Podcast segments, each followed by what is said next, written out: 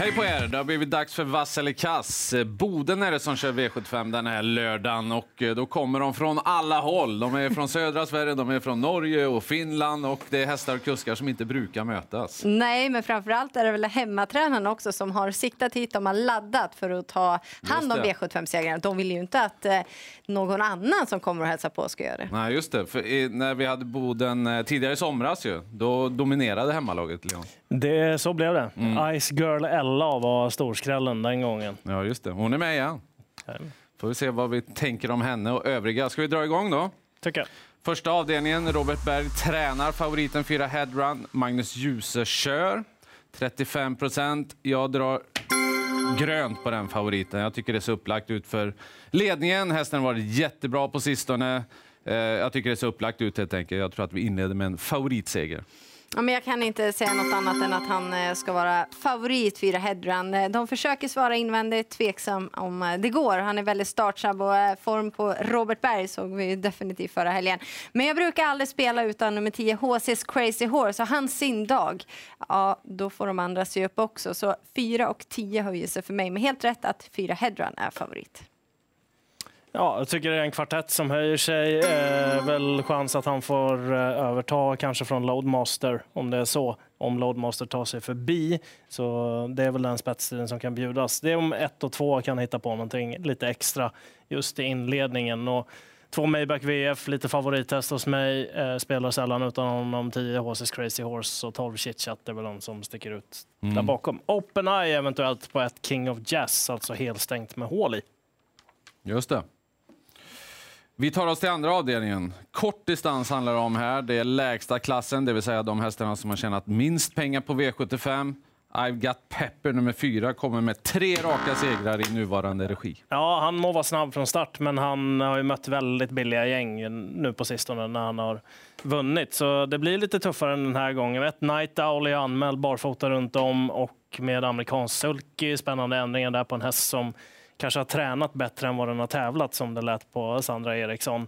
Eh, kanske att förändringarna gör det sista lilla. Sju Hagrid gjorde ju karriärens bästa lopp i den senaste starten.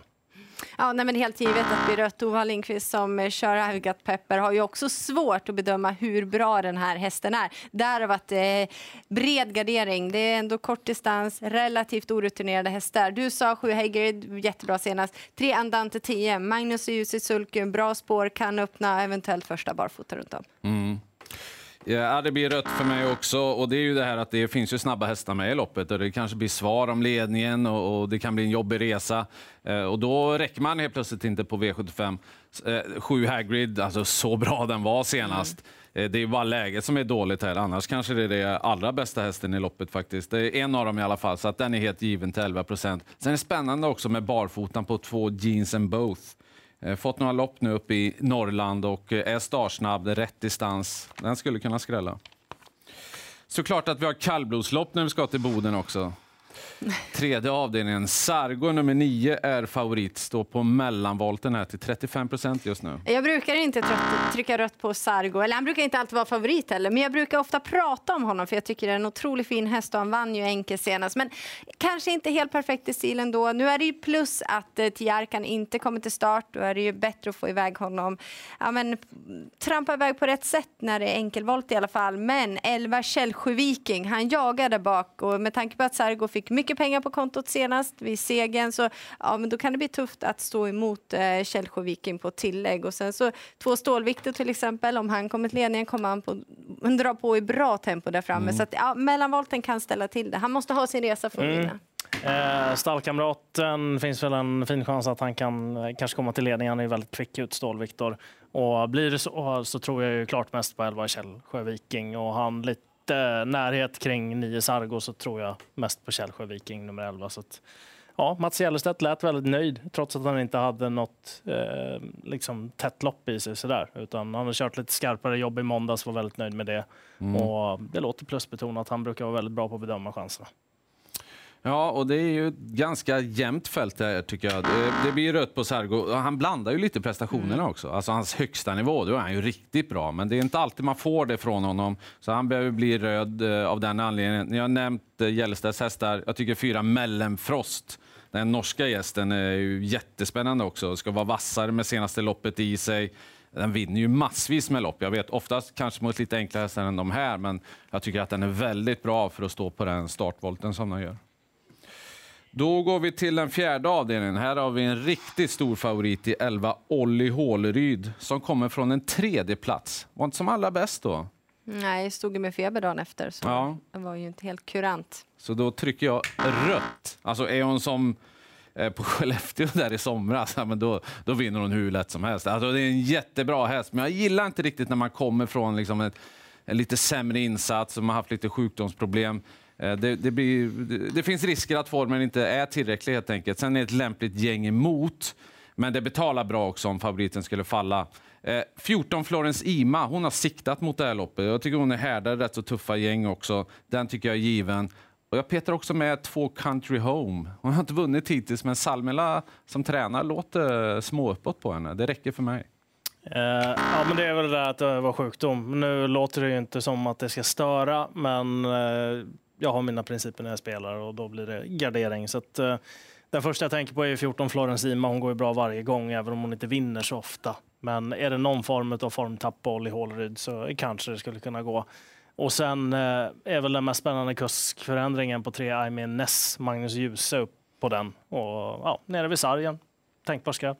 Mm, ja, Amy Ness är ju spännande emot, måste jag säga. Nu går jag emot mina egna principer. Sjukdom, då skulle jag aldrig trycka grönt då egentligen. Men med tanke på att eh, favoriten har fått återhämta sig och eh, ändå gått ett skarpare jobb inför det här. Eh, Ova Lindqvist tror ändå på att hon kommer prestera på en väldigt hög nivå. Hon behöver inte ha toppform för att runda det här. Det är alla eller en. Och jag tror på 11 Olli Håleryd. Vi sa aldrig något om Ice Girl LA. Nej, Skräll vann ju Ja. eh, när de hade sin V75-omgång under midnattstravet. Och, ja, det är väl en häst som går väldigt bra på rulle. Mm. Så då har vi sagt något om henne. Ja, precis. Vi nämnde den i inledningen. Headrun, eh, enda vassa favoriten så här långt då. När vi tar oss till den femte avdelningen. Här har vi en hemmahäst som favorit och det är tre Devil's Tongue. Jag gör så till slut att jag trycker grönt. Jag har velat lite grann fram och tillbaka. Eh, jag vet ju vad hästen kan naturligtvis och eh, det är väldigt mycket. Det hade inte varit klockrent inför eh, senast. Då behövdes det loppet. Nu låter det jättebra och då tar den ledningen och då fångar de inte den här. Det, det, det landar jag i helt enkelt att det är en, det är en vass favorit. Eh, inte grönt när Laredo Boko eh, ska gå en riktig amerikansk sulky. Så jag vet inte, den där som han hade näst senast, eh, den som Berg hade på Power till exempel eh, i lördags, det är en riktig amerikansk sulky. Den som var på Laredo Boko är inte samma. Så att för mig är det väldigt lätt att, att gardera med honom. Då. Mm. Ja, men det blir rött. Alltså, han är otroligt bra, Davis Tang, och mycket möjligt att han kommer till ledningen. Men fem Lindus Massimania kommer trycka på och försöka göra vad man kan i alla fall inledningsvis. Och, eh, han är grym, eh, Davis Tang, men ibland, det finns förklaringar absolut, men inte kanske bara spikrak, utan det finns lite frågetecken, lite upp och ner och ett Laredo Bocco är given för mig också. Eh, det är ju topp 7 också. Det ska vi inte glömma. Top 7 ser ut så här. Eh, Mm. Vi har ju nämnt de mest spelade. Är det någon man ska lyfta upp? Jag tycker 11 Idomenius Sisu borde sluta minst 4-5 i loppet. Jag spikar nummer fyra, Moneykeeper, som sjua. Okej, det är bra. Ja. Skönt. Ja, Och Jennifer? ut det?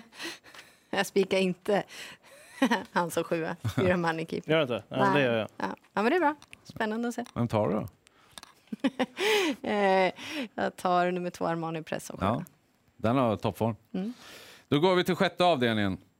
Hur ser spelet ut här till slut? För att det har eh, skiftat en del. Han är fortfarande favorit, Axel Ruda, knapp sådan.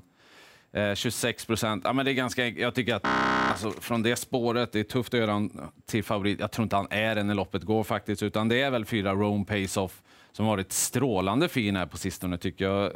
Uppgiften ser ju upplagd ut för Rome Pace-Off. Borde bli släppt till ledningen tidigt, få bestämma lite grann och sen tror jag den vinner. Mm, ja. eh, jag tycker ändå Axel Ruda, han är hur bra som helst, men behandlad efter senast behövde den pausen också. Men från det här spåret, det kan bli strul. Det är fyra room Pace Off, ska du ta en, givet att ta honom. Jag tycker han ska vara favorit. Eh, där bakom är det ju 11 Million Dollar Rhyme och 12 Global Badman som har hårdhet, eh, även om de behöver kanske få hjälp under vägen då från eh, bakspår.